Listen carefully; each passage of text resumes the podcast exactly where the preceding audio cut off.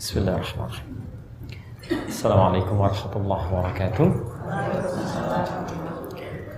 الحمد لله رب العالمين والصلاة والسلام على رسول الله الكريم وعلى آله وصحبه أجمعين أما بعد. فيا عباد الله أوصي نفسي وإياكم بتقوى الله فقد فاز المتقون. فلا تموتن إلا وأنتم مسلمون. فقال تعالى يا أيها الذين آمنوا اتقوا الله حق تقاته ولا تموتن إلا وأنتم مسلمون. Saudara-saudariku, Alhamdulillah kita masih diberikan kesempatan oleh Allah Subhanahu wa taala beraktivitas sampai dengan siang ini. Kita bermohon pada Allah Subhanahu wa taala semoga seluruh aktivitas kita mendapat bimbingan dari Allah Subhanahu wa taala sehingga dengan itu insya Allah kita bisa lebih baik dibandingkan dengan hari-hari sebelumnya. Uh, ini penting kami hadirkan. Saya mohon izin, saya baru mendarat ya dari Semarang, di sempat berputar juga. Terakhir kami di kawasan. Yang penting bagi saya adalah kenapa menyampaikan ini. Ternyata di setiap tempat yang kami kunjungi itu masya Allah perlombaan untuk beramal soleh itu luar biasa itu. Jadi kalau kita tidak terfikir untuk berubah dengan cepat, itu kita ketinggalannya jauh. Ya, ketinggalannya sangat jauh ya. Karena itu saat Anda baru terfikir mau baca Quran hari ini, ada orang-orang yang sudah menghafalkan ayat yang mungkin Anda sudah baca itu. Saat Anda baru terfikir mengerjakan sholat di masjid, ada orang-orang yang sudah itikaf di masjid. Saat Anda baru berpikir itikaf di masjid, ada orang-orang yang bahkan sudah mulai berdiskusi tentang kebaikan di masjid. Dan itu juga berlombanya, Masya Allah, bukan hanya dengan orang-orang sepantaran kita. Namun saya saksikan sekarang perlombaan itu menggema luar biasa sampai dengan anak-anak yang bahkan mereka belum sampai masa taklif gitu. Belum ada kewajiban untuk ibadah. Anda bisa gambarkan ya, ada anak usia 4, 5 tahun, Masya Allah sebelum azan maghrib ya setengah enam dia sudah mulai berlomba ke masjid dengan teman-temannya. Dan dia share dengan kawannya gitu kan. Kemudian masya Allah masuk ke masjid nunggu adzan mereka duduk dengan baik gitu kan. Sholat duduk adzan kemudian siap sholat sunnah mereka sholat. Selepas sholat mereka masih mengaji itikaf sampai isya pak. Ya ba'da isya mereka sholat ya setelah isya kemudian mereka evaluasi pelajaran mereka. Lantas pulang jadi kalau anda misalnya untuk teman-teman yang ikhwan yang laki-laki baru terfikir ke masjid saat dipanggil oleh Allah lewat adzan di suara muadzin itu, kita kalah sama anak usia 4-5 tahun. Karena mereka datang ke masjid sebelum adzan berkumandang. Kalau Anda baru terfikir sholat maghrib saja, belum sempat terfikir untuk etikaf kebaikan, kita masih kalah. Karena mereka mengaji setelah itu. Kalau ibu misalnya masjidnya berjamaah maghrib ya, tapi isyanya misalnya tidak berjamaah, kalah juga sama anak usia 4-5 tahun. Dan mereka ba'da isya sebelum tidurnya masih berevaluasi. Mereka beristighfar, doakan orang tuanya, macam-macam. Jadi kalau kita tidak melakukan itu pun, kita masih ketinggalan oleh mereka. Jadi bertakwalah kepada Allah, pulanglah ke rumah, kemudian lihat keluarganya, ngobrol dengan keluarga, dengan suami, perbaiki keadaan keluarga kita. Karena perlombaannya semakin kencang deh. Dan semua yang ada di dunia ini sementara sifatnya. Kalau bukan kita duluan yang meninggalkan dunia, dunia akan tinggalkan kita pada suatu saat nanti. Ya. Baik teman-teman sekalian, karena itu kita coba lanjutkan ya tentang materi kita untuk hari ini.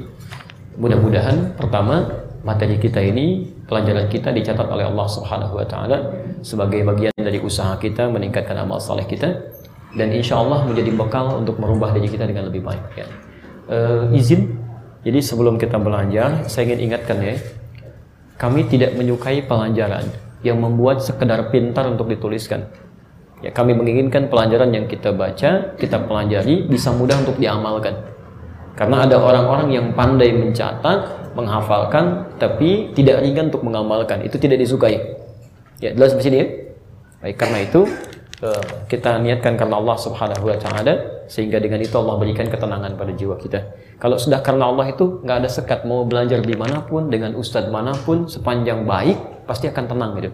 Ya, jadi jangan anda kira kalau pindah tempat jadi lebih menurun tidak. Mungkin menurut Allah jadi lebih santai, ya kan? Lebih nyaman dan bisa lebih baik ya, insya Allah. Dan kita teruskan ya bahasan kita. E, kami masih menggunakan kitab yang sama ya dengan pertemuan yang lalu. Sebagian pertanyaan masih saya bawa dan saya selipkan di kitab ini. Ya.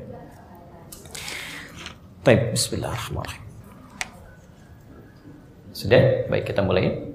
Bismillahirrahmanirrahim masih dalam pembahasan surah Al-Fatihah di ayat yang ke-6 ya, pada pembahasan ihdinas siratal mustaqim kita akan mengurai tentang makna hidayah bagian kedua. Ya.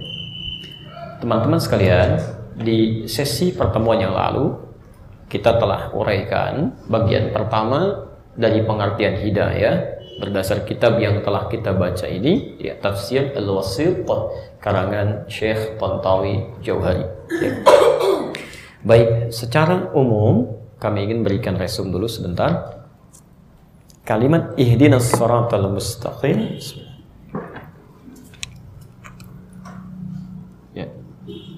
kalimat ihdinas siratal mustaqim kami turunkan.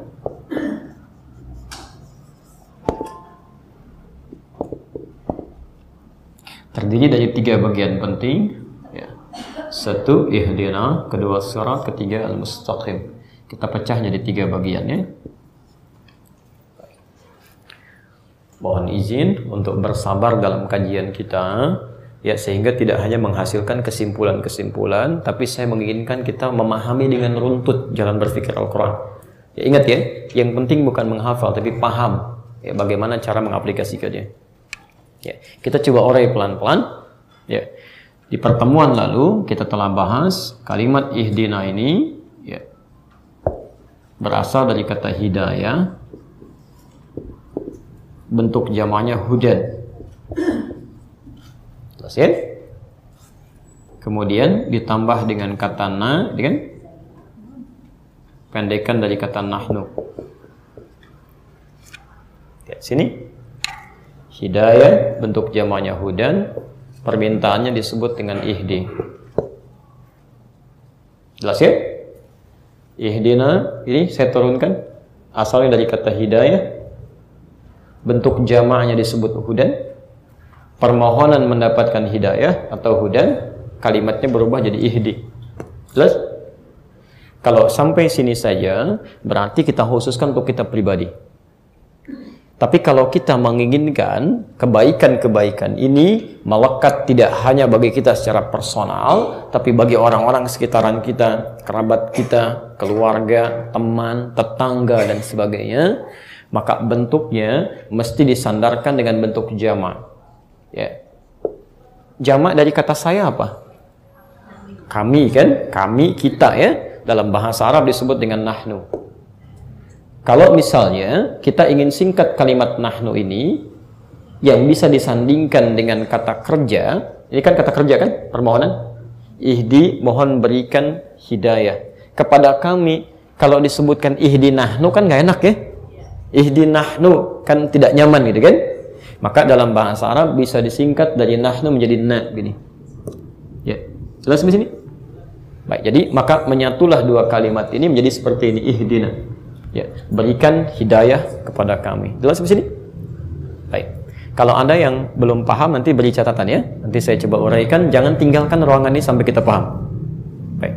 Sekarang ini bagian pertama yang sudah kita bahas dulu, saya resum sebentar. Yang kedua, apa yang dimaksud dengan hidayah gitu kan? Sehingga tidak sekedar kita minta tapi tidak mengerti yang kita mintakan. Nah, di pertemuan lalu kita sudah bahas di antara makna hidayah itu bisa berarti satu, ya kan? Solusi dari persoalan yang kita jalani dalam kehidupan. Ya. Bahkan saya telah turunkan ayat-ayatnya juga kalau Bapak Ibu masih ingat dia. Baik, hati-hati teman-teman sekalian, pelan-pelan. Jadi hidayah bisa berarti solusi kehidupan dari semua masalah yang kita hadapi. Misal, maaf, ada kesulitan, bagaimana mendapatkan mudahnya. Sakit, bagaimana bisa sembuhnya. Rizki terhambat, bagaimana bisa lancarnya. Jadi semua masalah yang kita hidupi, yang kita hadapi, baik di rumah ataupun di luar rumah, ketika minta solusinya, maka Quran menyebutnya dengan apa? Hidayah, jamannya apa? Hudan. Baik. Kita telah ambil contoh ini, di antaranya misal, isi Quran sendiri, Al-Quran, ya disebut oleh Allah itu solusi hidup ditemukan di Quran surah kedua ayat 185 posisi paling kiri di pertengahan ya mohon izin kalau agak cepat menyampaikan karena pertemuan lalu saya sudah urai sebagian besarnya perhatikan ya Allah menyampaikan syahr ramadhan alladhi unzila fihi al-Quran di bulan Ramadan diturunkan Al-Quran apa fungsi Quran itu hudan jelas ya Hudan linnas, solusi bagi seluruh aspek kehidupan manusia. Baik, masih ingat hudan itu jamak atau bentuk tunggal? Jamak kan ya? Tadi masih ingat uraiannya? Hudan jamak dari hidayah, kan? Maka semua isi Quran, jamak kan banyak ya? Nah, semua isi Quran dari Al-Fatihah sampai dengan An-Nas, sebetulnya itu semua solusi dari persoalan hidup kita. Anda bisa keluarkan Quran, terapkan dalam kehidupan, maka hidup akan semakin mudah. Ya, jelas di sini ya? Makanya di zaman Nabi ketika Quran turun, sahabat diarahkan untuk langsung belajar, hafalkan bawa. Jadi yang dimaksud hafal itu bukan hafal ingat, tapi hafal untuk dihadirkan saat dibutuhkan. Awas hati-hati ya. Menghafal Quran yang benar itu disebut dengan zikir. Zikir itu bukan sekedar hafal. Ya. Kalau cuma hafal itu namanya hafid. Ya, hafal. Dari hafidha yahfad, hafid. Jadi, kalau cuma hafid, jangankan kita, non muslim bisa menghafal Quran. Ada manusia menghafal Quran? Ada. Tapi kita saat menghafal Quran itu disebutkan oleh Quran sifat hafalannya dengan zikir. Zikir. Quran surah ke-54 ayat 17, ayat 22, ayat 32 dan ayat ke-40. Ya, Quran surah ke-54 ayat 17, ayat 22, ayat 32, ayat 40. Lihat kalimatnya. Walaqad yassarnal Qur'ana lidzikri bukan lil hifzi. Ya. Sungguh kami telah mudahkan Al-Quran itu untuk dihafalkan. Kalimat hafalannya menggunakan kata zikir. Ingat itu ya. Zikir itu segala aktivitas yang bisa mengingatkan kita dengan Allah. Ya, jadi kalau Anda misalnya mau minum, ingat Allah, itu zikir. Mau duduk, ingat Allah, itu zikir. Mau bicara, ingat Allah, itu zikir. Ya. Beda antara orang yang beraktivitasnya ingat dengan Allah yang belum ingat dengan Allah itu lain. Ya. Orang kalau bicaranya ingat dengan Allah, dia tidak akan mencari kosakata yang tidak Allah ridhai. Ya. Sekarang kita temukan dipertontonkan dengan gratis ya. Bahkan ada level-level orang-orang pintar yang bicaranya jauh dari ketentuan Allah. Ya, semua agama sama, mengarah pada Tuhan yang sama dengan cara yang beda-beda. Itu Allah nggak suka. Ya, dusta Allah nggak suka. Wailul lil mukadzibin, celaka bagi para pendusta. Mencela Allah nggak suka. Ya ayyuhalladzina amanu la yaskhar qaumin qaum. Hai orang-orang beriman jangan saling mencela. Gibah Allah nggak suka. La yaghtab ba'dukum ba'dha. Jangan saling mencela satu dengan yang lainnya, menggibahkan. Ya. Nah, jadi mustahil ada orang hafal Quran, hafal ayatnya, kemudian tidak dia gunakan sebagai zikir. Itu bukan hafal yang diinginkan. Jadi penghafal Quran yang baik itu begini, dia mau jalan, dia melihat sesuatu, dia langsung hadirkan ayatnya. Jadi ayat membimbing dia ingat Allah. Dia mau melihat, oh saya pria. Quran surah ke-24 ayat 30. Langsung di benaknya langsung, ke matanya tembusin. Ya. Wa kullil mu'minina yaghuddu min absarihim. Katakan pada pria-pria yang punya iman, hanya yang baik yang boleh dilihat. Begitu ada yang tidak baik dia palingkan. Ya. Begitu dia mau bicara, dia ingat Allah, maka lisannya itu akan langsung mengeluarkan kosakata Quran. Ya, maksudnya tidak akan mencari yang buruk gitu. Itu itu penghafal yang benar. Jadi kalau cuma hafal Quran, tapi isi Qurannya tidak membuat kita mendapatkan manfaat dari situ, itu ada yang salah cara menghafalnya. Ya. Makanya Quran sendiri mengatakan, maaf ya Bapak Ibu sekalian, pertama penghafal Quran terbagi tiga. Ada di Quran surah 35 ayat 32, posisi paling kiri sebelah atas. Ya. Sampai 33-nya kalau mau lengkap dengan surganya gitu kan. Bismillah. Saya mohon izin saya perluas sedikit ya. Quran surah 35 Fatir ayat 32 sampai 33. Ada? Saya langsung ke intinya saja ya. Di antara penghafal Quran itu wa minhum zalimun li nafsi. Ada orang yang zalim pada dirinya. Ya. Zalim itu menempatkan sesuatu bukan pada tempatnya. Apa fungsi gelas? Menampung air untuk diminum kan? Baik, apa fungsi gayung? Ambil air untuk mandi kan? Ada orang gunakan gayung untuk minum, gelas untuk mandi. Itu zalim namanya. Baik ya? Nah, jadi ada penghafal Quran volim karena menempatkan ayat Quran tidak sesuai tempatnya. Ya, misal ada orang mengambil ayat Quran untuk menguatkan argumentasinya, tapi padahal yang tidak Allah sukai. Semua agama itu sama, cuman caranya beda-beda. Ini loh, ada di Quran ayatnya sekian. Dari mana Anda taunya? Tiba-tiba ngambil ayat Quran ke tempat yang tidak benar. Ya. Atau masalah yang ringan-ringan. Dia bicara hafal ayatnya, tapi ayatnya tidak membimbing dia bicara dengan baik. Jelas di sini? Ah, itu wamin hum li nafsi. Ya, ada orang hafal ayatnya tapi tidak bisa menempatkan ayat Quran sesuai dengan fungsinya. Oke. Okay. Yang kedua wamin hum muqtasid, ya. Ada orang yang cukup untuk dirinya. Belum bisa berbagi. Jadi ayat ini baru dia hafalkan, pelan-pelan dia lihat, dia praktekkan untuk pribadinya. Ya, jadi begitu lihat baca Quran, biasanya penghafal Quran pertama yang mulai menghafal itu kalau benar ada dampak ketenangan dalam jiwanya. Jadi kalau Bapak Ibu mulai menghafal Quran pertama kali, ya setelah ada hadir Qurannya itu dampak pertamanya tenang hatinya. Jadi zikir itu membuat tenang. Quran surah 13 ayat ke-28. Alam bi tatmainnul qulub. Makanya saat Anda baca Quran pasti ada ketenangan, Pak. Ibu ya, Anda sedang punya masalah misal, gampang sebetulnya. Ambil wudhu, buka mushaf, baca Quran. Seketika ada kedamaian dalam jiwa.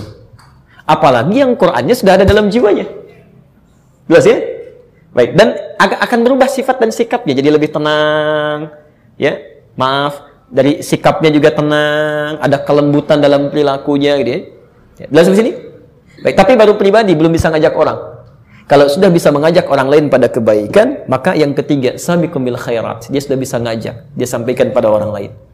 Nah, yang ingin saya maksudkan, ada bahkan orang-orang yang sudah mengetahui petunjuknya dari Al-Quran, tapi tidak bisa menempatkan itu dalam kehidupannya. Ya. Jadi yang diinginkan saat seseorang menghafal Quran itu, dia mengeluarkan isi Qurannya menjadi solusi. Ya.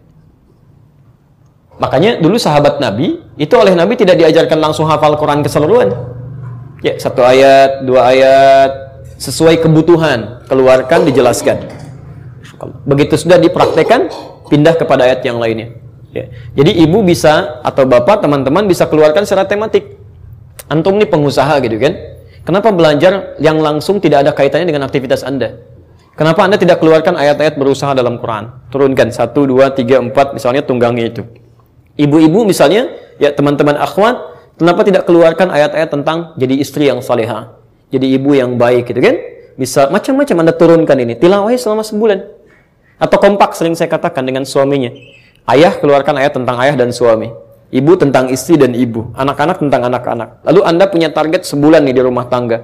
Kita tilawahi ayat ini, kita praktekkan di kehidupan rumah tangga. Demi Allah saya katakan, tidak ada keindahan kecuali nikmat setiap hari. Nyaman gitu. Ya, nggak percaya silahkan. Silahkan Anda keluarkan. Ya. Nah karena itu di akhir ayat 185 ini sebelum sebelum masuk ke konteks syukur Allah sampaikan yuridullahu bikumul yusra wala yuridu bikumul. Apa pentingnya Al-Quran ini dipelajari sebagai solusi hidup? Karena kami, kata Allah, menginginkan hidup Anda mudah. Dan Allah tidak menginginkan kita larut dalam kesulitan. Jadi kalau ada orang hidupnya susah, maaf, yang salah bukan Allah. Yang salah manusianya karena tidak mau mengambil petunjuknya. Ini poinnya. Jadi ini kesimpulan kita yang kemarin. Kan? Yang kedua, Hidayah juga berarti petunjuk yang memudahkan. Petunjuk kemudahan.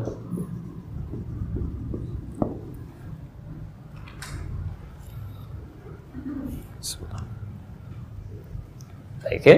jadi yang kedua bisa berarti petunjuk pada segala hal yang memudahkan. Insya Allah. Saya tadi di mobil begitu mau turun dapat SMS dari staf kami ya.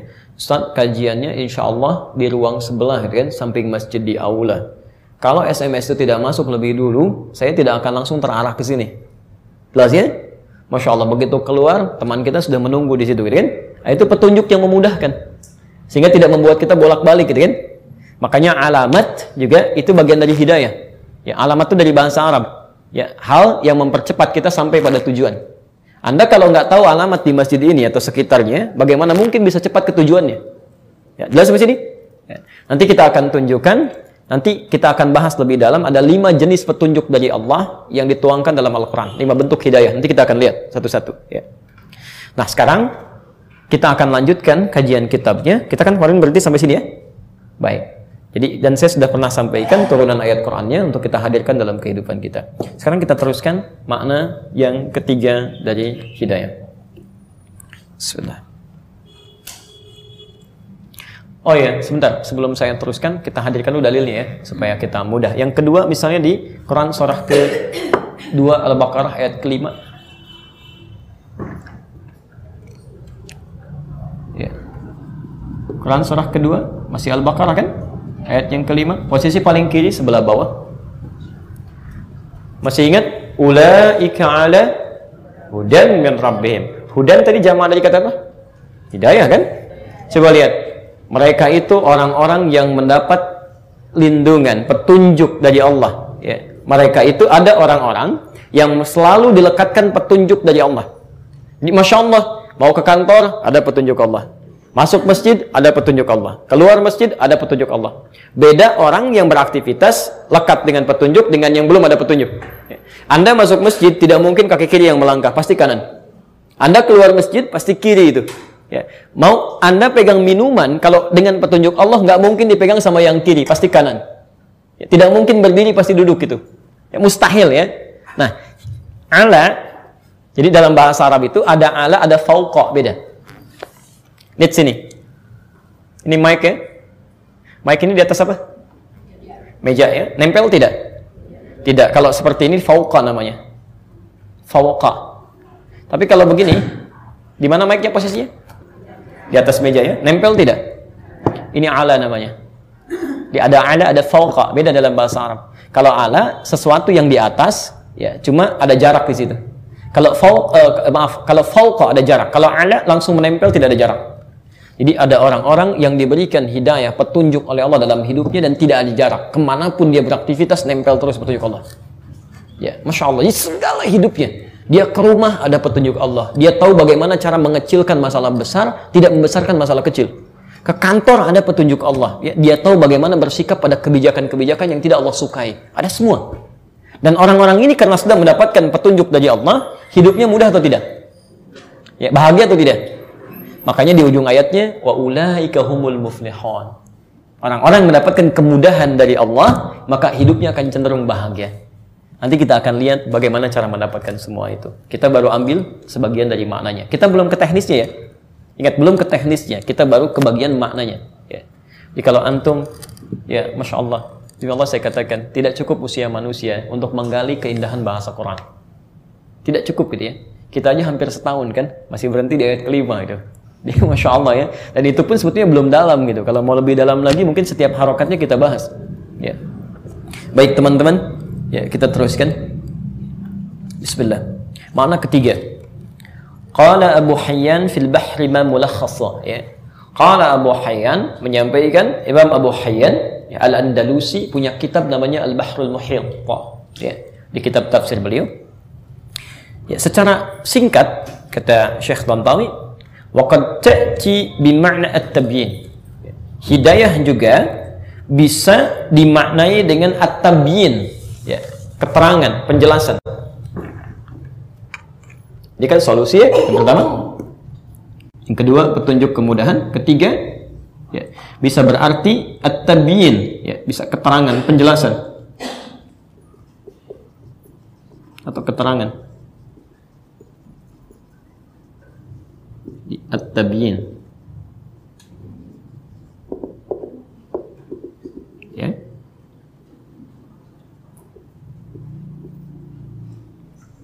Pelan-pelan.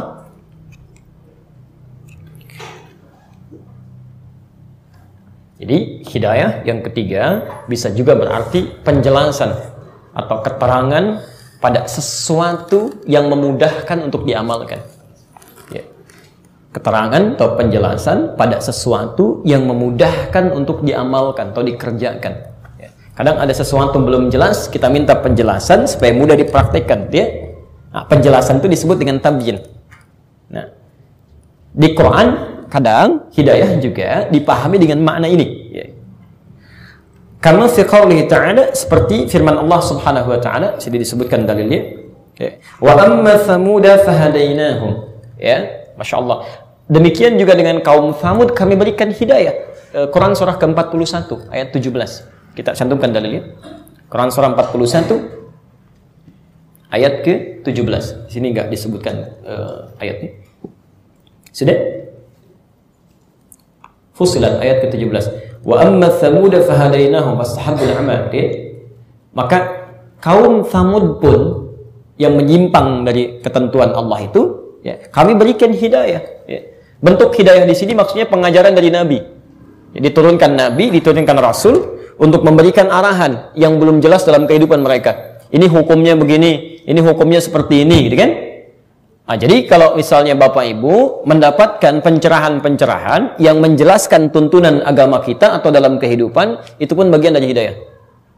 Secara ringkas begini, taklim sekarang pun ini bagian dari hidayah Allah.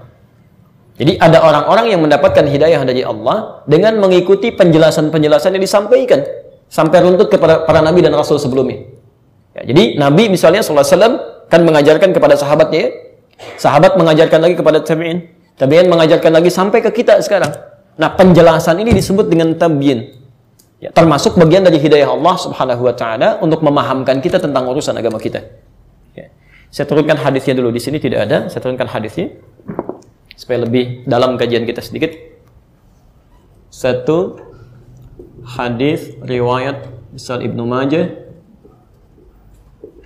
nomor hadis 233 Kemudian kita ambil hadis riwayat Muslim. Ibu mau yang asli atau mau yang terjemahan? oh yang asli ya.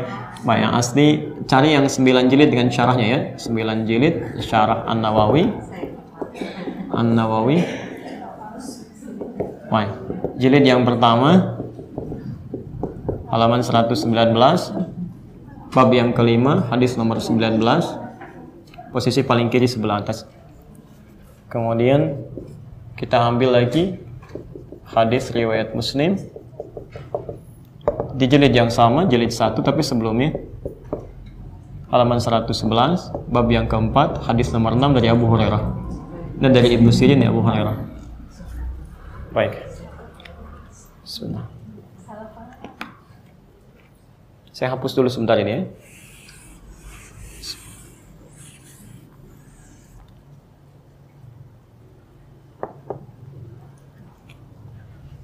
Kita turunkan ayatnya. Quran surah ke-9 ayat 122. Posisi paling kiri sebelah bawah di pojok. Quran surah ke-58 ayat 11. Posisi paling kanan sebelah bawah pojok.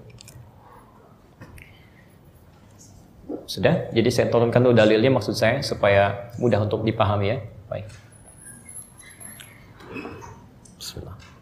Sudah? Baik. Oh baik ya, baik silahkan. Saya baca ulang ya. Saya baca ulang satu hadis riwayat Ibnu Majah nomor hadis 233, kemudian hadis riwayat Muslim ya. Nomor hadis 19 di bab kelima halaman 119 ya. Kemudian hadis riwayat Muslim jilid 1 halaman 111 bab yang keempat hadis nomor 6 posisi paling kiri sebelah atas dari Abu Hurairah.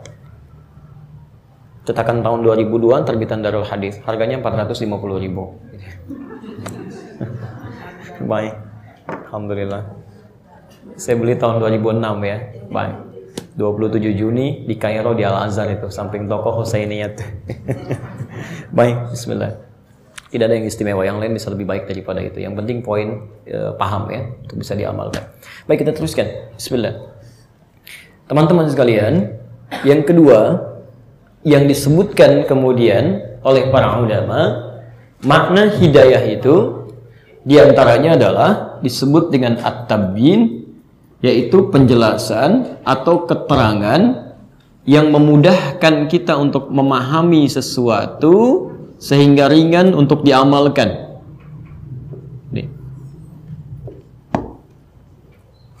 Di antara bentuknya kata para ulama yang lebih tinggi, awas hati-hati. Kalau ada penjelasan-penjelasan, ada penjelasan yang paling penting, yang paling tinggi derajatnya. Apa itu? Adalah penjelasan seputar aturan-aturan dalam Islam disebut dengan syariat. Jadi kalau misalnya Anda ingin belajar tentang sesuatu, ingin paham tentang penjelasan sesuatu, maka ada yang harus diutamakan yang paling prioritas, yaitu memahami tuntunan atau kejelasan tentang tuntunan-tuntunan aturan agama kita. Disebut dengan syariat. Ya. Maaf, bagaimana caranya dari bangun tidur sampai dengan tidur lagi? Bagaimana cara sholat yang benar?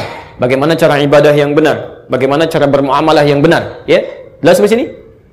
Nah, semua ketentuan ini sering kali disebut oleh para ulama pelan-pelan dengan nama ta'lim itu kan yang kita kenal itu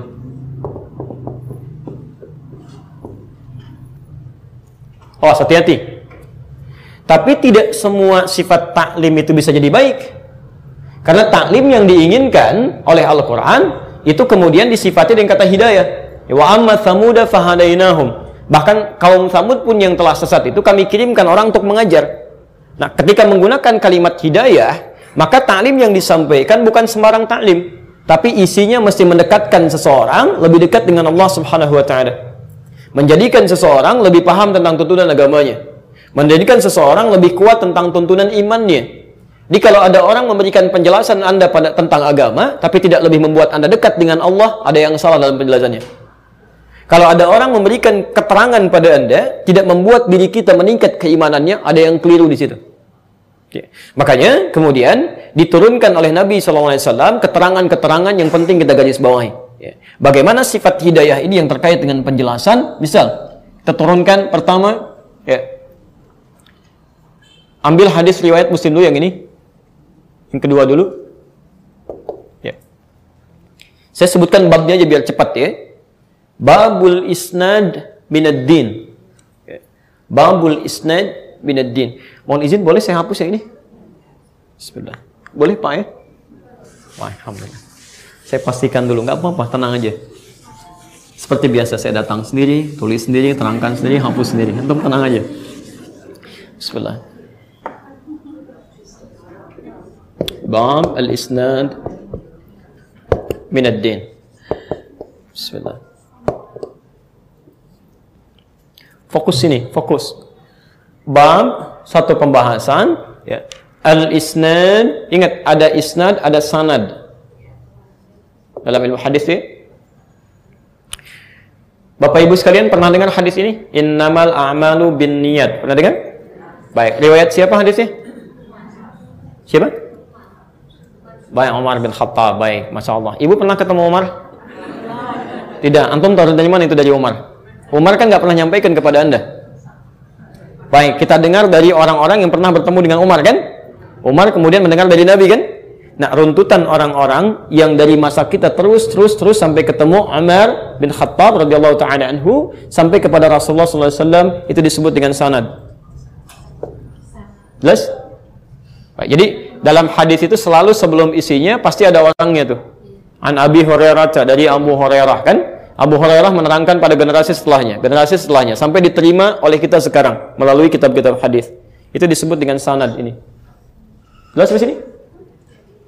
Kalau kemudian itu dibahas dalam bentuk keilmuan, ya ilmu pengetahuan maknanya begini, begini, begini, dan dari sisi pengetahuan untuk dijelaskan, maka istilahnya berubah dari sanad menjadi isnad. Jelas di sini? Baik. Maksudnya begini, kalau Anda menerima riwayat ya dari Nabi ada hadis begini misalnya kan? Baik. Kita kan tidak bertemu Nabi langsung kan? Tapi lewat orang-orang tertentu sampai kepada Nabi. Nah, itu keterangannya Ya, hadisnya disebut dengan apa tadi runtutannya? Baik, runtutan orangnya sampai kepada Nabi disebut dengan sanad. Pelan-pelan. Kalau kemudian Anda pelajari isi sanad ini sampai diterangkan begini, begini kualitasnya, terus sampai kita paham, ya, itu disebut dengan isnad namanya. Runtutan keterangan yang menerima dari keterangan sebelumnya. Al-Bukhari punya guru menerima dari guru sebelumnya, diterangkan begini maknanya. Jelas? gurunya belajar dari sebelumnya diterangkan maknanya begini. Bukan cuma orangnya, tapi menerangkan tentang isi-isinya. Itu disebut isnad sampai ke Nabi SAW. Sekarang perhatikan. Diberikan bab di hadis Sahih Muslim dari referensi yang kita tuliskan tadi bahwa lihat sini belajar agama dengan urutan sampai sumbernya tersumber kepada Nabi itu minad din sama pentingnya dengan isi agama itu sendiri sama pentingnya dengan praktek ibadah di agama itu sendiri. Contoh, pelan-pelan. Di agama kita ada tuntunan sholat? Ada. Misal, perintah sholat. Agama kita apa? Tahu dari mana? Masya Allah, Quran surah ke 3 ayat 19. Inna din indallahil Islam. Jadi, din yang diridai oleh Allah apa namanya? Islam. Baik. Pelan-pelan. Dalam Islam ada perintah sholat? Ada, bahkan menjadi rukun kan? Rukun keberapa? Kedua. Ada yang bilang kedua, ada yang bilang ketiga. Masya Allah. Baik. Baik, rukun ke berapa? Tahu dari mana? Hadis Muslim nomor hadis ke-8, ya kan?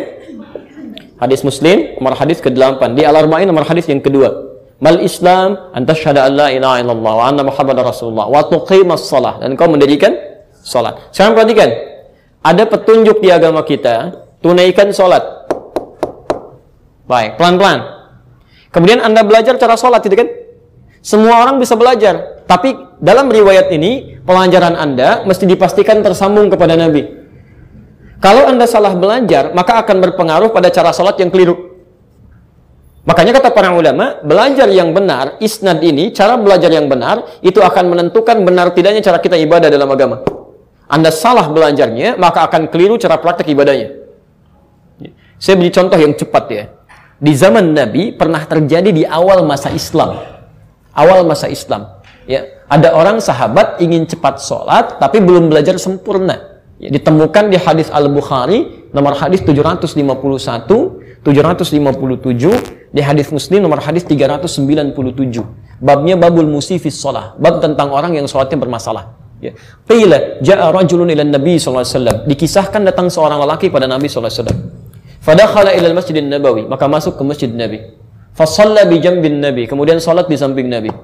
Masya Allah, setelah selesai, sallama yaminan wa syamalan. Dia salam ke kanan dan ke kiri. Faqala lahun Nabi SAW. Dikomentari oleh Nabi SAW. Salli fa innaka lam tusalli. Anda silakan salat lagi karena Anda belum salat. Namanya eh, eh, Khalid Az-Zuraiqi. Khalad bukan Khalid. Khalad Az-Zuraiqi. Kata Nabi, Anda salat lagi. Anda belum salat. Fa'ada salata thalatha marat. Dia mengulang salatnya sampai tiga kali. Faqala lahu Nabi sallallahu alaihi wasallam mithla ma kana. Maka Nabi sallallahu alaihi wasallam mengulangi kalimat yang sama dengan sebelumnya. Anda tolong sholat lagi, Anda belum sholat. Ya, lihat kalimat orang ini. Faqala, maka dia berkata, Ya Rasulullah, ma'uhsinu ghairah. Ya Rasulullah, saya tidak bisa lebih baik lagi daripada yang ini. Alimni, tolong ajarkan saya. Maka diajarkan oleh Nabi Wasallam cara sholat dari mulai wudhunya. Idza qumta ila shalah asbighul wudhu. Kalau Anda mau sholat sempurna, sempurnakan wudhu. Begini caranya. Famastaqbilul qiblah, lalu menghadap ke arah kiblat. Kemudian dari takbir sampai dengan salamnya. Dari situ Nabi mengatakan, lihat kalimatnya sampai sekarang kita pahami. Sallu kama ra'aitumuni salli. Salatlah Anda seperti persis melihat saya salat. Baik, jadi kalau kita mau salat, kita nggak boleh sembarangan. Sahabat Nabi saja pernah salat. Ini sahabat Nabi, hidup di zaman Nabi, salat di masjid Nabi, di samping Nabi. Kata Nabi, tolong ulangi salat kamu. Ini Anda bukan sahabat Nabi, tetangga Nabi juga bukan, keponakan juga Nabi tidak gitu kan? Bukan salat di masjid Nabi, tidak di samping Nabi, lalu kita merasa benar dengan salat kita, agak aneh. Agak aneh gitu kan? Nah, orang ini pastikan kata Nabi, dia belajar dengan Nabi. Pastikan sholat kita seperti melihat Nabi. Sekarang pertanyaannya, siapa yang pernah lihat Nabi? Di mimpi barangkali? Nah, mimpi aja gak ketemu Nabi, bagaimana bisa sholat dengan benar? Maka Anda mesti belajar pada orang-orang yang pernah melihat Nabi tadi, diturunkan pada orang setelahnya, turunkan pada orang setelahnya, diajarkan sampai ke kita, itulah isnad. Jadi belajar yang benar itu seperti ini. Nggak sembarangan gitu kan? Coba cek dulu, ada nggak runtutannya? Ya, jelas di sini? Nah, siapa yang mengajarkan isnad ini? Saya ulang, siapa yang mengajarkan isnad ini? Maka tidak sembarangan juga disebutkan oleh Nabi kemudian di hadis riwayat Ibnu Majah nomor hadis 233. Bismillah. Insyaallah. Saya turunkan sebentar. Paham runtutannya? Paham ya? Kalau tidak paham tolong ini e, garisi nanti saya urai kembali untuk lebih memudahkan ya. Tapi saya minta fokus ya karena tidak sedikit sekarang ya jamaah taklim yang sifatnya mensana in corpore sano ya. Ustadznya nerangin ke sana, dianya ke sono gitu ya. Nah, itu. Pelan-pelan. Ah, jadi pertama belajar mesti ada sumber yang benar. Ya. Disebut dengan isnad. Di antara bentuk hidayah Anda belajar, kan? Di antara bentuk hidayah. Jadi kalau Allah sudah ingin berikan hidayah pada seseorang, ada di antara mereka yang dilembutkan oleh Allah untuk belajar. Jelas di sini? Baik, jadi kalau Anda sudah ada keinginan untuk belajar, itu adalah tanda kebaikan dari Allah. Nanti kita turunkan hadis ini. Ya. Tapi tidak cukup dengan belajar saja, karena Anda mesti belajar dengan jalur yang benar. Jadi kalau cuma numpang rame aja, terus ikut-ikutan belajar misalnya kan, tapi dari sumber yang tidak tepat, itu belum tanda kebaikan juga. Itu bukan hidayah namanya. Awas, itu bukan hidayah ya. Kan tidak sedikit nanti orang-orang yang semangat untuk ngaji, tapi mungkin cuma rame saja, isinya tidak ada. Kadang-kadang banyak tawa dan macam-macamnya gitu kan. Ah, ini sesuatu yang tidak tepat menurut saya. Ya. Saya teruskan sebentar. Dari mana sumber yang benar ini? Maka dijelaskan oleh Nabi di sini, langsung cepat ke ujungnya saja. Ya. Wa innal ulama warathatul anbiya. Jelas kalimatnya langsung. Ya. Kata Nabi, sungguh para ulama itu itulah pewaris para nabi dalam ilmunya. Ya. Jadi kalau anda misalnya, maaf ingin belajar tentang agama kita yang memberikan petunjuk-petunjuk pada kebaikan, maka yang dicari ini ulama. Ya. Sifatnya beda-beda. Setelah Nabi meninggal, ulamanya sahabat. Setelah sahabat meninggal, ulamanya tabiin. Ya, setelah tabiin meninggal, ulamanya tabi'ut tabiin. Sekarang pun di setiap masa pasti ada ulamanya. Pasti itu. Ya, pelan-pelan. Jadi kalau Anda ingin bertanya tentang yang baik-baik tentang agama kita, ya penjelasan tentang bagaimana hukum ini, hukum itu, tanyanya kepada ulama. Jelas di sini? Siapa ulama itu? Baik. Baik, ulama pewaris para nabi. Baik, siapa siapa ulama itu? Sifatnya apa? Baik, oke, okay? supaya tidak ngarang kita kembalikan ke Quran ya. Baik, misalnya. Quran surah ke-35 ayat 28 sampai dengan 29. Nah, sekarang fokus sebentar. Ya saya, saya lebih senang kalau ada di Quran kita tampilkan dulu kan. Jadi kita lihat hadisnya.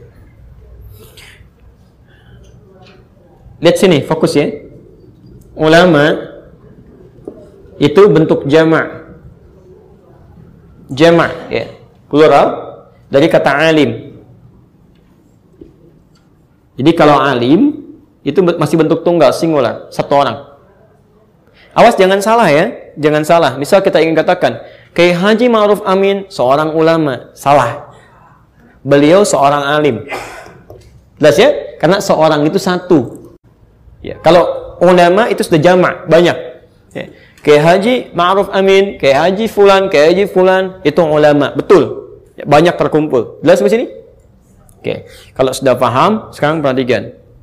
Ternyata sifat ulama disebutkan di Quran itu bukan pintar.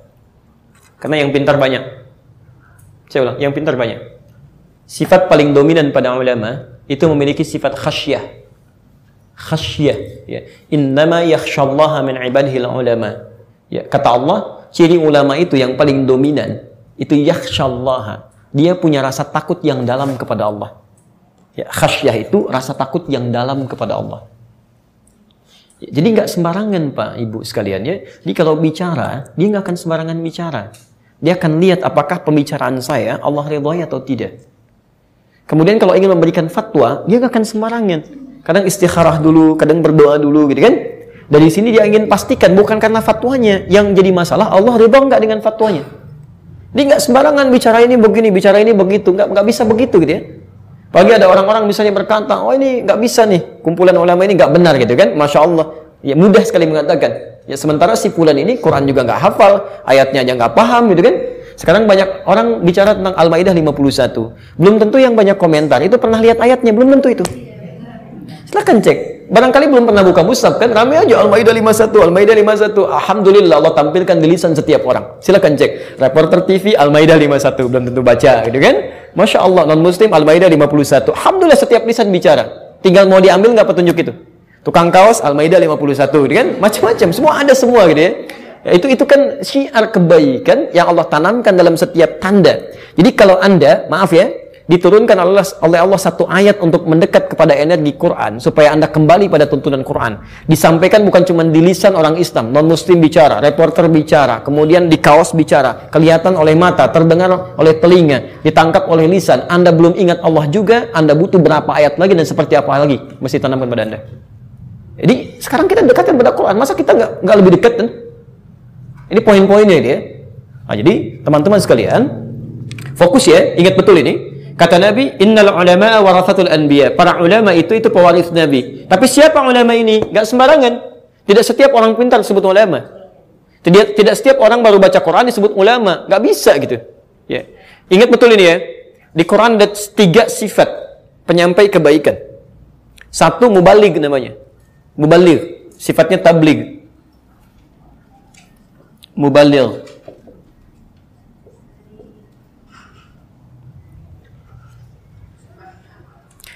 Sifatnya disebut tabligh, ya, tabligh, ya. Mubalig itu artinya penyampai yang menyampaikan sesuatu. Pesan yang disampaikannya disebut dengan tabligh. Ya. Misal, Anda sepulang belajar dari sini, kemudian menyampaikan pesan-pesan ini kepada keluarga atau teman-teman terkait. Maka seketika Anda menjadi mubalig, penyampai pesan dan tidak harus pakai peci dulu, pakai jorban tidak usah ya. Ya Anda sampaikan itu sudah mau balik otomatis. Kecuali ada nuansa yang lain gitu kan. Ah saya mau jadi mau balik dulu misalnya kan, pakai tidak. Anda kembali sampaikan, Anda share di Facebook Anda mau balik gitu kan. Baik, jelas ya? Jadi kecuali dalam konteks tertentu. Yang kedua, Anda sudah mengajak orang. Jadi kalau mau balik cuma nyampaikan. Ya, nggak tentu ngajak. Ya, saya tadi belajar ini, ini yang saya pelajari. Anda sampaikan pada orang misalnya, itu tabligh. Baik. Tapi kalau Anda sudah mengajak, yuk ke masjid. Kan? Ayo kita begini, ayo kita begitu, ajakan pada kebaikan, maka berubah menjadi dai namanya. Dai. Sifatnya disebut dakwah. Dai. Sifatnya disebut dengan dakwah.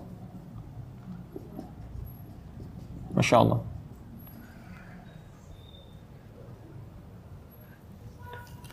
Sudah?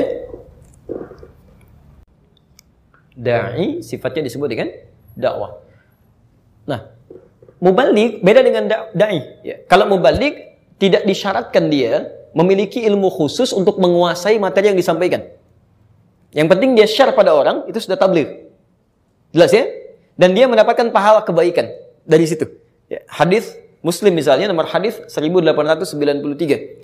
Man dalla ala khairin falahu ajruhu mithla ajri fa'ilihi min ghairi an yankusu min ajri syai. Siapa yang menunjukkan pada satu kebaikan kemudian diamalkan oleh orang lain, maka penunjuk ini mendapatkan pahala serupa dengan yang mengamalkan tanpa dikurangi sedikit pun. Masya Allah ya. Anda punya misalnya gambaran sekarang belajar tentang keutamaan sholat lima waktu. Anda share misalnya di Facebook, gitu kan? Lalu ada orang lihat status Anda atau share Anda, lalu dia amalkan. Dia jaga itu. Setiap dia menjaga amalannya, Anda mendapatkan pahalanya. Tidak cukup dengan amin. Praktekkan dulu gitu ya. cuma amin-amin saja nggak akan dapat ya. Jadi jadi Anda tuliskan dulu. Ya, ini, ini aneh ya. Kalau Anda bisa berbuat yang baik-baik, kenapa menulis yang tidak bermanfaat itu? Ya Anda bisa tuliskan yang baik-baik. Waktu sholat sekarang kan, Anda cuma nyampaikan aja sekitaran kelapa gading gitu kan. Subuh jam sekian duhur jam sekian sampai isya jam sekian. Teman anda begitu melihat oh ya saya belum sholat ya. Dia sholat. Itu begitu dia sholat anda mendapatkan pahalanya tanpa dikurangi sedikit pun. Ya. jadi kalau anda bisa menulis yang baik ngapain nulis yang gak bermanfaat? Mendung. Duh mendung. Kirim aja kan. Apa yang kita kerjaan? Kita manfaatnya gitu kan. Baik.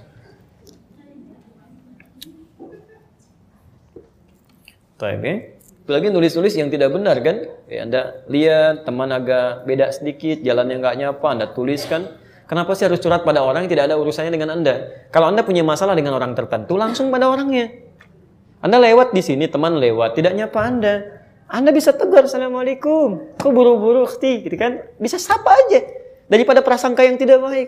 Anda tulis, nggak nyangka dia seperti itu. Anda sedang nyangka nggak nyangka ya, Anda sedang nyangka gitu. Ya. Jadi buang sesuatu yang nggak bermanfaat, selesaikan dengan baik ya. Jelas di sini?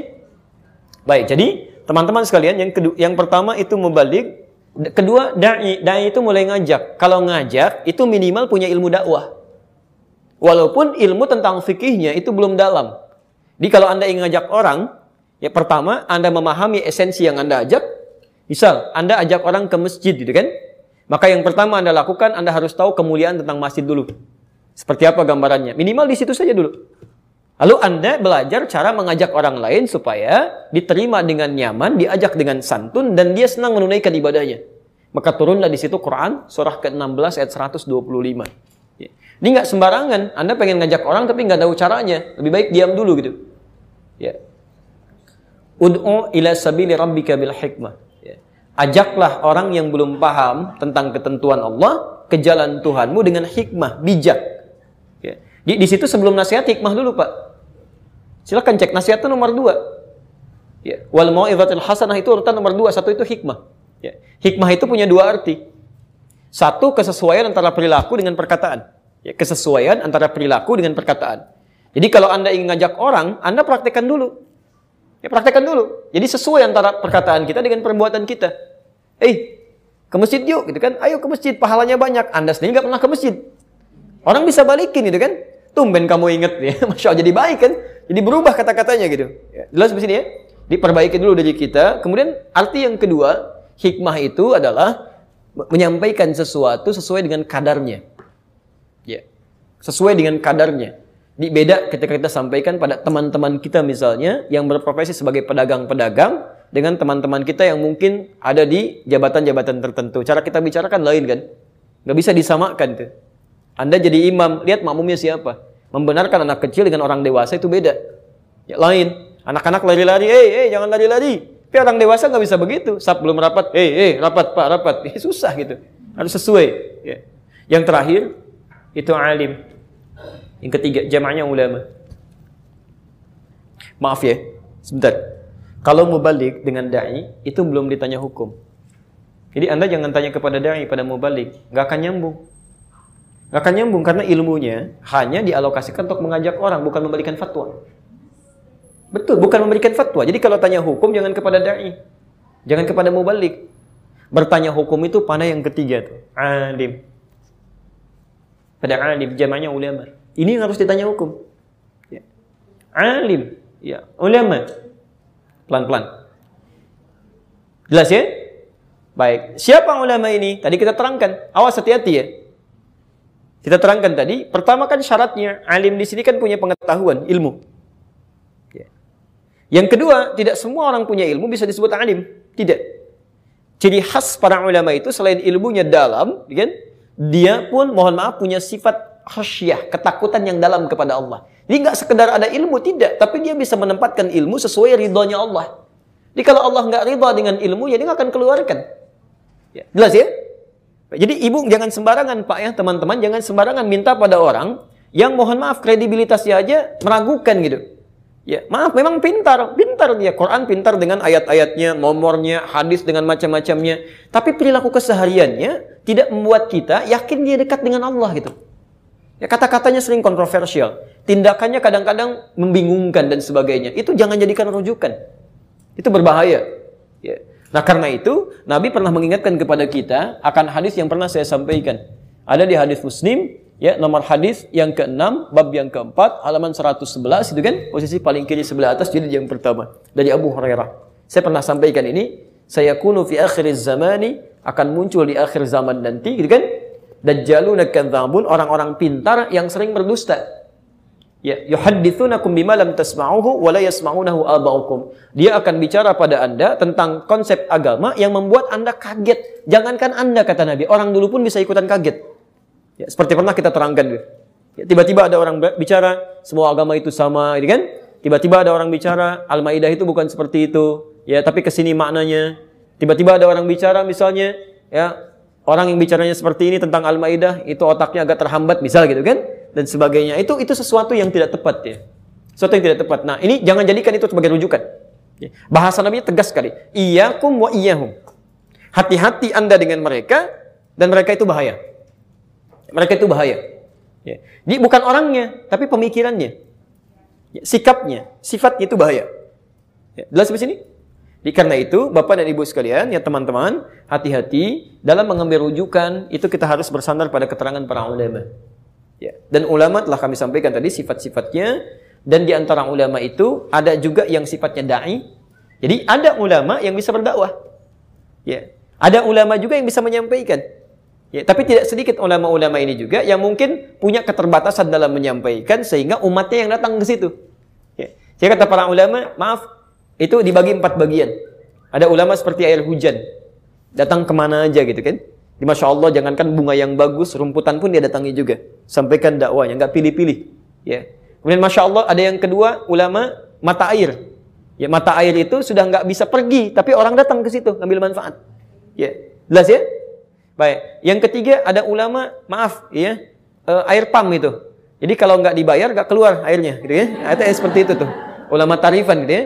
Itu nanti bisa dilihat di Quran surah uh, Al-Mudaththir, Quran surah 74 dari ayat 1 sampai ayat 7. Wala tamnun tastaghfir. Kamu jangan ngajar orang untuk minta lebih banyak. Jadi kalau nggak dikasih tarif dia nggak mau datang tuh. Ya. Dan ada yang keempat ulama yang air mata gitu kan. Itu hanya membuat kita menangis dengan perilakunya. Belum ngajar aja kita udah nggak enak gitu kan. Itu udah udah kotor gitu ya. Jadi sikapnya kotor, udah macam-macam dan udah ditampakkan. Ya. Dan yang seperti itu kita doakan, bukan kita celak. Kita doakan supaya dia berubah jadi lebih baik, minimal di akhir hayatnya, gitu kan? Baik. Jelas sampai sini? Nah, maka kalau Anda sudah bisa mendapatkan yang seperti ini, inilah hidayah. Demi Allah saya katakan, Anda beruntung kalau tinggal di lingkungan atau misalnya tempat-tempat majlis-majlis yang bisa menghadirkan orang-orang seperti ini. Ya. Lebih mendekatkan diri Anda dengan Allah, lebih menguatkan iman kita dan sebagainya. Kalau ada yang seperti ini, saya teruskan sebentar karena hidayahnya belum kita ambil. Cara ngambilnya bagaimana? Ada di Quran surah 9 ayat 122. Kan baru ketemu sifatnya ya? Hidayahnya ada, orangnya ada, tapi Anda salah dalam mengambilnya. Anda nggak akan dapat manfaat juga. Tapi saya agak cepat sedikit. Cara mengambilnya disebut dengan fikih. Wa ma kana al-mu'minuna liyanfiru Tidak semestinya semua orang sibuk berjuang semua. Jadi kalau Anda misalnya mendapati di lingkungan Anda ada ulama seperti ini, ada yang baik gitu kan, Jangan jadikan semua aktivitas kesibukan kita untuk ngejar-ngejar yang lain aja, berjuang semua. Ya. Ini ayat turun pada saat di zaman Nabi ada seruan jihad dengan fisik karena saat itu sedang marak sekali gitu ya, butuh pembelaan-pembelaan. Itu begitu ada panggilan jihad semua keluar. Orang dewasa, anak kecil gitu kan untuk support macam-macam. Ada yang laki-laki, ada yang perempuan. Hampir semua kegiatan itu ditinggalkan, pokoknya jihad, jihad. Turun ayat ini. Ya. Lihat keterangannya. Kata Allah jangan semua pergi ke sana. Mesti dibagi. Falaula nafara min kulli firqatin minhum ta'ifah liyatafaqahu fid din. Mesti ada sebagian dari satu keluarga komunitas itu, walaupun nggak semuanya, sebagian yang belajar tentang agamanya. Jadi kalau konteks jihadnya sudah nggak ada dalam konteks peperangan fisik, maka jihad diterjemahkan dalam aktivitas harian kita. Anda yang para ikhwan laki-laki bekerja itu jihadnya di situ. Ibu yang merawat rumah tangga, anak-anak macam-macam jihadnya di situ. Dari mulai mengandung, melahirkan, merawat. Jika Anda wafat dalam perihal mengandung dan sebagainya, itu Masya Allah, visabilillah. Visabilillah gitu kan? Baik, jadi Bapak juga sama. Kalau Anda niatkan bekerja karena Allah, kemudian Anda wafat di situ, itu visabilillah. Ya. Bahkan nanti yang paling hebat, ketika Anda tidak ada peperangan fisik, Anda memilih untuk belajar misalnya, itu pun bagian visabilillah yang serupa nilainya dengan jihad visabilillah dengan fisik. Jadi kalau Anda meninggal dalam perjalanan untuk belajar, itu sudah dihitung fisabilillah sama dengan yang berjuang ke medan perang. Ya, berdasar keterangan ayat ini. Nah, saya mau teruskan sebentar. Saya mau teruskan. Jadi, kata Al-Quran, jangan sampai kita sibuk gitu kan dalam kehidupan kita, lupa belajar tentang memperbaiki agama kita. Mesti ada yang belajar. Kalau di rumah ada lima orang, ya jangan semua, nggak harus semuanya. Ya, misal dua orang belajar, kan? Atau minimal kirim perwakilan, sehingga yang sibuk-sibuk ini yang selainnya itu bisa mendapatkan share ilmu dari yang belajar untuk semua mendapatkan pencerahan yang sama. Lihat ujungnya. Waliyunziru qaumahum idza raja'u ilaihim. Supaya yang belajar ini bawa kembali ilmunya pada yang tidak belajar, la'allahum yahdharun supaya punya pencerahan yang sama semuanya. Jadi kalau Anda misalnya ada ulama yang baik, ya, ada guru-guru yang baik, manfaatkan. Masa dalam sepekan nggak ada waktu untuk belajar? Ya. Nabi saja Muhammad Sallallahu Alaihi Wasallam itu masya Allah dalam sepekannya masih belajar dengan malaikat Jibril. Selevel Nabi masih belajar juga gitu. Dan beliau siapa? Beliau Rasul, Nabi, orang paling takwa, surganya jelas, kesalahannya dijaga, surga tingkat tinggi. Masya Allah. Ya, saya, kita, Anda gitu kan, bukan Nabi, bukan Rasul, surga belum jelas, amalan berantakan, hisab menegangkan. Gak mau belajar, kan agak aneh. Nabi dunianya sukses, beliau pemimpin, panglima, presiden juga gitu kan. Masya Allah, pengayom segala hal dalam kehidupannya, dan sukses. Belajar juga. Anda bukan presiden, bukan panglima, dia bukan pemimpin. Masya Allah gitu kan, gak mau belajar, agak aneh. Nabi keluarganya juga sukses. Beliau istrinya sembilan hidup dengan beliau, dua meninggal duluan, dua berpisah dengan beliau, masih belajar. Anda istri satu, ada yang jomblo, gitu kan belum mau belajar juga kan aneh gitu kan. Saya tidak membahas yang tinggi-tinggi ya, tidak. Maksudnya Ayo siap berapapun yang ada dalam keluarga kita, ya, itu jaga anak-anak, ya itu semua amanah dari Allah, amanah dari Allah. Tapi jangan lupakan harus lebih baik untuk belajar. Ya, jelas ya? Baik, jangan disimpulkan berbeda ya. Pulang dari sini yang diingat kalimat yang aneh-aneh gitu ya. ya. Pak, saya tidak mengajarkan. Kita baru Al-Fatihah, kita belum bahas yang lain-lain ya. Baik. Teman-teman sekalian, jadi saya tutup dulu sebentar. Saya tutup sebentar, nanti kita buka diskusi. Jadi yang pertama sifatnya fikih. Fikih itu paham. Saya ulang, fikih itu paham. Lihat tafaqahu fid supaya belajar memahami agamanya. Jadi yang diinginkan oleh Allah, Anda belajar dari ulama ini itu paham. Baru jadi hidayah. Kalau cuma belajar tidak memahamkan Anda, belum jadi hidayah. Anda taklim nih, nggak jelas apa yang mau dibahas kan? Nggak ada isinya misalnya, itu bukan hidayah. Bukan hidayah. Makanya dilarang oleh Quran, Anda mengikuti aktivitas apa pun tanpa ada dasar pengetahuannya. Quran surah 17 ayat 36. Quran surah 17 ayat 36. Wala taqfu ma laysa laka bihi ilmun inna as-sam'a wal basara wal fuada kullu ulaika kana anhu mas'ula. Ada ayatnya? Wala taqfu ma laysa. Jangan pernah ikuti segala sesuatu yang tidak ada dasar pengetahuannya. Apa pun itu. Maaf, sekalipun itu kegiatan sederhana ya. Misal, misal, alhamdulillah. Anda diajak teman nih, yuk ikut. Lu, Anda tanya, ke mana? Udah nanti aja lah, pokoknya ikut dulu. Ah, itu kalau kaidah Quran nggak boleh. Nggak boleh, karena kita belum tahu mau dibawa ke mana gitu ya. Bukan nggak pakai oh, nggak usah diikutin gitu ya. Nah, jadi kalau kita ikuti hal seperti itu, nanti kalau ada masalah-masalah kita jadi persoalan di situ, gitu. tinggalkan aja. Ya. Perjelas dulu kalau sudah jelas ini ke mana, bentuknya apa, Allah ridho atau tidak, baru kemudian kita bisa maksimalkan itu. Jelas di sini? Baik, jadi teman-teman sekalian, yang pertama sifat ta'lim yang baik mesti memahamkan kita tentang urusan agama kita. Jadi kalau anda misalnya belajar dari orang-orang membuat kita tidak paham masalah agama, itu berarti bukan hidayah. Jelas ya? Baik. Yang kedua, yang terakhir, di Quran surah 58 ayat 11. Baik.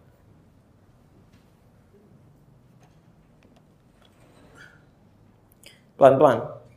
Ada isyarat di ayat itu, ya ayyuhalladzina amanu idza qilat lakum tafassahu fil majalisi fafsahu yafsahillahu lakum. Baik Bapak Ibu sekalian, biasanya kalau para ulama itu berkumpul di mana? Ngajar di mana? Majlis ya, makanya ada majlis taklim kan? Baik, apa artinya majlis? Tuh, baik ya. Majlis itu dari kata jalasa. Apa artinya jalasa? Bukan sekedar duduk, tapi asal kata jalasa itu berpindah dari posisi rendah ke tinggi. Misal Anda duduk di bawah, saya katakan pindah ke kursi. Maka orang Arab katakan ijlis. Ijlis. Tapi kalau posisi tinggi pindah ke rendah, saya berdiri kemudian saya duduk, itu namanya qu'ud. Dari kata qa'ada. Makanya orang sholat yang nggak bisa berdiri itu duduk. Bahasa Qurannya pakai qu'ud. Alladzina yadhkurunallaha qiyaman wa qu'udan. An-Nisa ayat 103, fa idza qadaytumus salata fadhkurullaha qiyaman wa qu'udan. Bukan julusan. Ya. Nah, tempat orang duduk bukan sekedar duduk tapi mengangkat dari sesuatu yang rendah ke tingkat yang tinggi disebut dengan majlis. Dari kata jalasa. Ya, majlis. Majlis taklim, gitu kan? Maksudnya kenapa disebut majlis taklim? Taklim yang Anda ikuti bisa mengangkat posisi Anda, menaikkan derajat Anda dari yang rendah ke yang tinggi. Ketika kalimat ini dijamakkan, majlis jamaknya menjadi majalis. Saya ulang ya. Majlis jamaknya apa? Majalis, gitu kan? Ya. Ketika dijamakkan bentuknya, lihat kalimatnya Idza qila lakum tafassahu fil majalis itu artinya bukan hanya satu, banyak. Nah, ayat Qur'annya mengatakan kalau Anda menemukan tempat-tempat taklim yang bisa mengangkat derajat Anda lebih baik itu share. Sampaikan ke yang lain. Beritahukan. Yang paling menarik, apa yang diangkat pertama kali? Kalimat majalis disandingkan dengan iman. Ya ayyuhalladzina amanu. Hei orang-orang yang telah merasa punya iman. Idza qila lakum tafassahu fil majalis. Jika dikatakan pada Anda luaskan majlis. Kalimat majlis dijamakkan disandingkan dengan iman. Kata para ulama, ini ingin memberikan kesan bahwa majlis yang baik itu minimal majlis yang memahamkan kita tentang agama kita sehingga mengangkat iman kita dari sebelumnya. Jadi kalau antum ikut taklim tidak mengangkat keadaan iman anda lebih kuat dari sebelumnya, ada yang salah sifat taklimnya. Termasuk anda belajar dengan saya di mana pun. Kalau pelajaran yang saya sampaikan tidak membuat iman anda lebih kuat dekat dengan Allah, saya salah dalam mengajar. Ya, lebih baik anda belajar pada ustadz lain, tinggalkan saya gitu. Selesai gitu kan? Baik, dan saya cukupkan sampai sini materinya. Jadi belajar dengan siapa pun itu ukurannya. Jadi jangan sampai anda belajar tapi anda nggak jadi lebih baik gitu kan? Apalagi Anda belajar pada orang yang tidak memuliakan Tuhan Anda salah. Allah dia celah, gitu kan? Rasul dia celah. Anda belajar pada orang itu, bagaimana Anda mengambil faedahnya? Mustahil. Ya. Makanya sekarang banyak orang aneh, Pak. Banyak orang aneh. Masa orang belajar Islam pada orang yang tidak berakidah Islam? Ya, dia beriman aja enggak. Kita belajar pada orang itu, bukan kita. Dia belajar pada orang itu, kan salah, gitu kan? Ada orang belajar sholat pada orang tidak pernah sholat, gak nyambung. Makanya pulang-pulang ke Indonesia jadi pada aneh. Silahkan cek jadi pada aneh. Semua agama sama. Tidak harus sholat yang penting ingat Allah. Aduh, jadi bikin bingung gitu kan. Ya, jadi yang seperti itu sudah. Jadi itu itu nggak tepat jadi rujukan. Ya, jelas di sini ya? Baik, jadi saya kira terang keterangan kami bahwa petunjuk yang terbaik itu adalah ketika petunjuk itu hidayah itu bisa menerangkan tentang agama kita, membuat kita lebih dekat dengan Allah dan paham tentang keadaan agama kita. Oke, Anda kurang apa lagi gitu kan? Tempatnya enak, nyaman, ustaznya datang, namanya hidayah juga gitu kan? Anda belum bisa mendapatkan kebaikan. Saya yang pamit ya. Bismillah. Ustaz, bolehkah tidak membaca komat ketika mau sholat? Baik. Baik, yang pertama, Iqamah itu sebetulnya bukan komat ya, tapi iqamah gitu. Komat itu singkatan orang kita. Ya, iqamah, aqama yuqimu iqamatan. Ya. Ya cuma orang kita suka nyingkat-nyingkat, biasanya awalnya dihilangin, ujungnya disebutin gitu kan. Baik, kami kalau di Arab olahraga misalnya kan, ya uh, Ali bawa bola, minta Muhammad ngoper, dia akan sebutkan sempurna. Eh, Muhammad ta'ala wazi'ahna. Muhammad datang, oper sini oper. Orang kita enggak. Mad mad oper gitu. Ah, di di di. Nah itu dibawa ke istilah agama iqamat jadi qomat deh. Jadinya hilang time. Ada adzan, ada iqamah. Kalau adzan seruan yang terdengar ke telinga sebagai penanda waktu sholat tiba. Ya, seruan yang terdengar ke telinga sebagai penanda waktu sholat tiba. Asal kata adzan itu dari kata udhun, artinya telinga. Jadi sampai ke telinga kita. Dan Masya Allah, saya sering sampaikan, lafad adan itu di antara kekuasaan Allah, itu bisa didengar oleh siapa pun, ya dalam konteks yang terdengar selama 24 jam tidak berhenti. Silahkan cek, masjid ini selesai adan, masjid sana adan, masjid sana adan. 24 jam nggak terhenti. Ya. Dan itu penanda waktu sholat tiba. Ya, penanda waktu sholat tiba. Nah, sedangkan penanda waktu sholat didirikan dalam konteks Anda berjamaah itu ikomat. Ikomat, jadi ikomat itu isyaratnya sholat siap mau dilakukan. Dalam konteks Anda ada di situ. Nah, sekarang pelan-pelan. Sekarang perhatikan ya. Ikomat itu dalam konteks sholat akan didirikan isyarat untuk mulai mengkhusyukkan keadaan hati kita. Jadi ketika ikomat mulai disampaikan bukan penanda waktu sholat tiba, bukan. Tapi Anda mesti mulai khusyuk. Yaitu adalah tafsir dari Quran surah kedua Al-Baqarah ayat ke-45 sampai ke-46 posisi paling kanan di pertengahan ke bawah sedikit. Ya. Jadi kalau ikomat sudah di, disampaikan, Bukan sekarang mau mulai sholat, bukan. Anda harus mulai siap-siap untuk khusyuk. Bagaimana cara khusyuknya? Itu tidak mudah. Ayat ke-46-nya, alladzina yadhunnuna annahum rabbihim. Ya, yaitu orang-orang yang merasakan akan berhadapan dengan Allah. Jadi begitu iqamat disampaikan, Allahu Akbar, Allahu Akbar, Anda harus mulai punya rasa sekarang akan berhadapan dengan Allah. Siap gitu kan? Ya, uh, Abu Bakar itu As-Siddiq, sahabat Rasulullah SAW, itu masya Allah begitu iqamat dikumandangkan beliau akan takbir. Itu sampai sering kali menangis gitu. Ya, makanya beliau ketika diminta jadi imam oleh Nabi beliau katakan ya Rasul jangan saya saya pribadi yang sering menangis gitu ya. jadi bayangkan ini manusia mulia sahabat Nabi amalnya banyak begitu mengangkat tangannya mengucapkan kalimat Allahu Akbar masih takut membawa kesalahan dan dosa dalam hidupnya karena berhadapan dengan Allah. Ya Anda berhadapan dengan seorang pemimpin sekarang diundang misalnya kan uh, setengah tiga insya Allah jam 4 itu ada undangan undangan dari Menteri Agama ke Masjid Jami yang dekat di sini mana? Ada di dekat mall itu. Ah, musyawarahnya ada undangan jam 4 itu Bapak Ibu sekalian uh, undangan dari Menteri Agama kita berkumpul sekaligus nanti ada pembagian mushaf yang ingin kita uh, disampaikan oleh beliau kepada kita. Kalau Anda mau bergabung gitu kan? Baik. Kira-kira ganti pakaian atau seperti ini penampilan? Enggak, ini cuma cerita, bukan bukan asli ada itu, bukan. Ini cuma cerita kisah saja. Anda misalnya ada undangan kondisi. Baik, saya tegaskan sekali lagi, undangannya tidak ada, bukan formal. Ini cuma cerita kalau ada seperti ini. Masya Allah. Fine. Ah, jadi kan luar biasa ya, Anda siap-siap dulu kan? Apalagi yang dipanggil Anda kan, penampilan akan baik kan macam-macam. Apalagi yang panggil Allah. Masa dipanggil manusia aja begitu? Undangan manusia Anda macam-macam gitu kan. Undangan Allah kenapa penampilan kita biasa-biasa?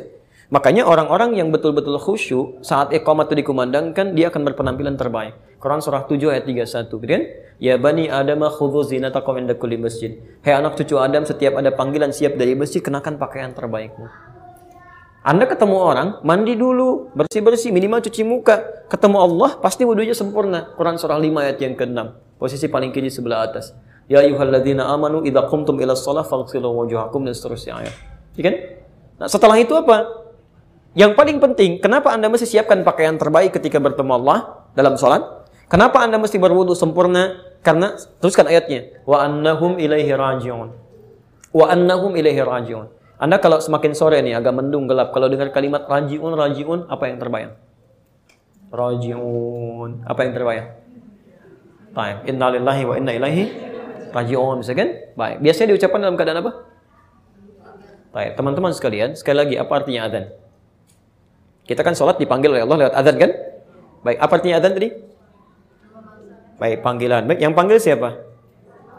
Allah. Baik, saya beri gambaran gini. Pak Dedi dipanggil Allah. Apa artinya? Oke, baik. Maaf, saya mau tanya, yakin kita akan meninggal? Kapan? Baik, mungkin hari ini? Baik, baik. Nggak punya pilihan ya? Karena itu, lima kali dalam sehari kita diingatkan, kamu itu kenapa sih terlampau sibuk? Kamu akan pulang. Kamu meninggal gitu. Kamu sibuk apa sih sampai kurang bekalnya untuk pulang? Ya, seakan-akan diingatkan, kamu bisa kapan aja pulang gitu kan. Tidak ada yang paling indah meninggal kecuali ketika sedang menghadap Allah Subhanahu wa taala. Anda sedang sujud gitu. Ya. Demi Allah saya katakan, di 10 Al-Muharram yang lalu ada seorang ibu sedang puasa. Masya Allah jemaah ta'lim dia bukan ustazah gitu ya. Salah satu komplek. Dan kami datang untuk mendoakan juga. Itu masya Allah pak. Pak ada asar menjelang maghrib menyiapkan bukaan. Orangnya puasa sedang menyiapkan bukaan. Di dapurnya kadar Allah merasakan sesuatu. Ya kullu nafsin dha'iqatul maut kan? Tiba-tiba beliau duduk kemudian sujud di dapur. Saking nikmatnya sujudnya itu tidak bangun-bangun ditemukan oleh anaknya dibawa ke rumah sakit sudah tidak bernyawa lagi gitu Nggak ada, nggak ada nikmat terbaik saat pulang kecuali sedang menghadap Allah dalam keadaan terbaik gitu. Apa anda tidak menambahkan ketika meninggal dalam keadaan sujud, apalagi sedang dalam keadaan berwudu menghadap kepada Allah dengan pakaian paling halal yang paling baik. Kita diingatkan kamu sibuk apa sih? Kamu mau pulang. Ya, jadi siap-siap gitu kan. Makanya kata para ulama di mana pun anda berada, jaga diri yang baik. Jangan dekati yang haram karena boleh jadi diwafatkan dalam keadaan maksiat itu tidak mudah gitu. Makanya minta perlindungan pada Allah supaya diwafatkan dalam keadaan terbaik. Wala tamutunna illa wa antum muslimun. Dia enak gitu kan. Bukankah saya pernah kisahkan di sini ada perempuan di Qatar itu yang saat wafat dalam keadaan sholat masih ingat gak kisahnya? Ya, ada seorang perempuan taatnya luar biasa di hari pernikahannya pak dia sudah didandani dengan pakaian luar biasa ya kemudian dia di make up begitu mau diperkenalkan adan isya berkumandang ibunya datang Nah, ayo kita keluar. Kata anak ya ma, hanal waqt tiba panggilan Allah. Nida salah. Kata ibunya itu bisa diakhirkan, kamu sudah menunggu. Kata anak ya ma, izinkan saya sholat dulu katanya. Kalau kamu sholat, tuh make upnya bisa habis lagi. Kata anaknya mah, izinkan saya memenuhi ketaatan kepada Allah. Ibunya marah keluar mengatakan, kamu tidak taat dengan mama. Dia ditutup, anak ini wudhu lagi. Subhanallah itu, ya, masya Allah. Kemudian dia wudhu, ya make upnya kemudian luntur. Bagian dia sholat. Demi Allah saya katakan, Nikmat sekali sholatnya khusyuk, baik, ruku, begitu sujud tenang saja. Saking tenangnya nggak bangun-bangun, Pak. Manusia menginginkan dia menjadi pengantin dunia, Allah menginginkan dia jadi pengantin bidadari akhirat. Manusia menginginkan dia berdandan dengan make up dunia, kata Allah lunturkan semua itu karena kamu akan pulang menjadi bidadari akhirat. Jadikan make up akhirat sebagai make upmu. Ganti dengan wudhu. Kita nggak tahu kapan kita pulang. Tapi perempuan ini sujud dalam keadaan terbaiknya, sholat dan pulang kepada Allah. Ibu mau meninggal dalam keadaan sujud? Nanti asar ya, sebentar lagi insya Allah. Kapan aja, mau asar, mau maghrib, mau kapan aja. Bisa terjadi gitu kan. Kita nggak bisa menolak. Kita nggak bisa menolak dengan itu. Jelas ya? Di teman-teman sekalian, uh, jadi kami sampaikan, iqamah itu isyarat untuk mengkhusyukkan jiwa. Ya, dalam keadaan sholat berjamaah. Jadi kalau anda sholat sendirian, mau iqamah boleh silakan, mau tidak nggak ada masalah. Tapi kalau sholat berjamaah itu mutlak disampaikan untuk peringatan kepada keseluruhan. Karena kalau sholat sendirian, yang ganggu paling cuma setan dengan anda. Ya nafsu. Tapi kalau sholat berjamaah bisa terganggu dengan yang lain. Ya mungkin anda sudah khusyuk, yang lain handphone belum dimatikan. Ya macam-macam dan sebagainya. Karena itu kemudian diingatkan melalui iqamat, kemudian ditegaskan oleh imam, khusyukkan, rapatkan, luruskan dan seterusnya. Jelas ya? Baik. Saya jawab satu ya di antara yang tiga ini supaya memberi kesempatan pada yang lain. Uh, mohon izin, barangkali saya bacakan dulu sebentar. Saya ada sesuatu yang harus diistirahatkan gitu ya. Baik, nanti coba kita lanjutkan kemudian. Sebentar. Pandangan Ustaz atas demo aksi bela Islam kemarin di antara kami muslimin Indonesia berbeda uh, pendapat. Saya sudah sampaikan di dalam YouTube bisa diruntut keterangan kami yang tentang syiar itu ya. Silahkan dicek dan masing-masing meramal sesuai dengan kebaikannya dan jangan saling mencela satu dengan yang lain. Ya.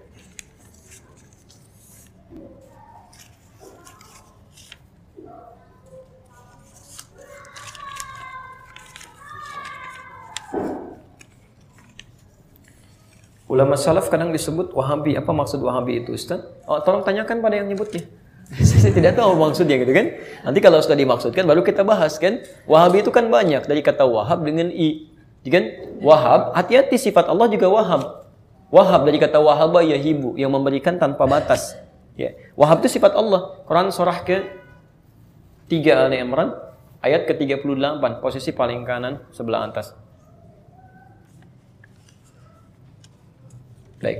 Bahkan dari ayat ke-8 yang disebut wahab, sifatnya disebut hab. Kalau minta habli kan? Hunalika da'a Zakaria rabba qala rabbi habli. Habli itu dari sifat wahab. Ya, Nabi Zakaria itu maaf menikah puluhan tahun, fisik sudah lemah gitu kan, sudah letih, rambutnya sudah memutih, tapi belum ada keturunan.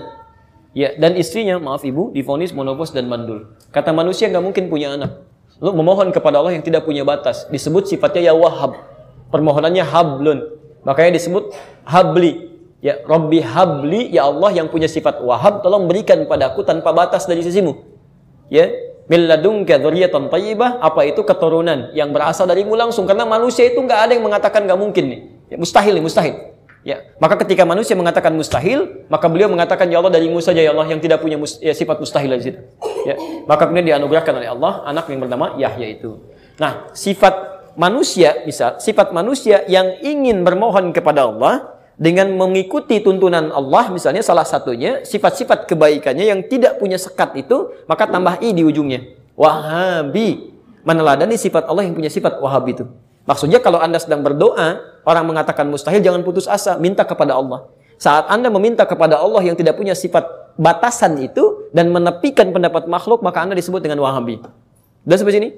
Atau ada orang namanya Wahab misalnya kan dengan pakai Abdul di depannya misalnya Abdul Wahab dan sebagainya. Kan? Lalu Anda ikuti paham orang ini karena dia baik misalnya. Dia ngajarkan kebaikan, dia ngajarkan kebaikan-kebaikan, contoh yang baik. Anda jadi pengikutnya. Maka pengikut dalam bahasa Indonesia eh, bahasa Arab ditambah i ya nisbah namanya.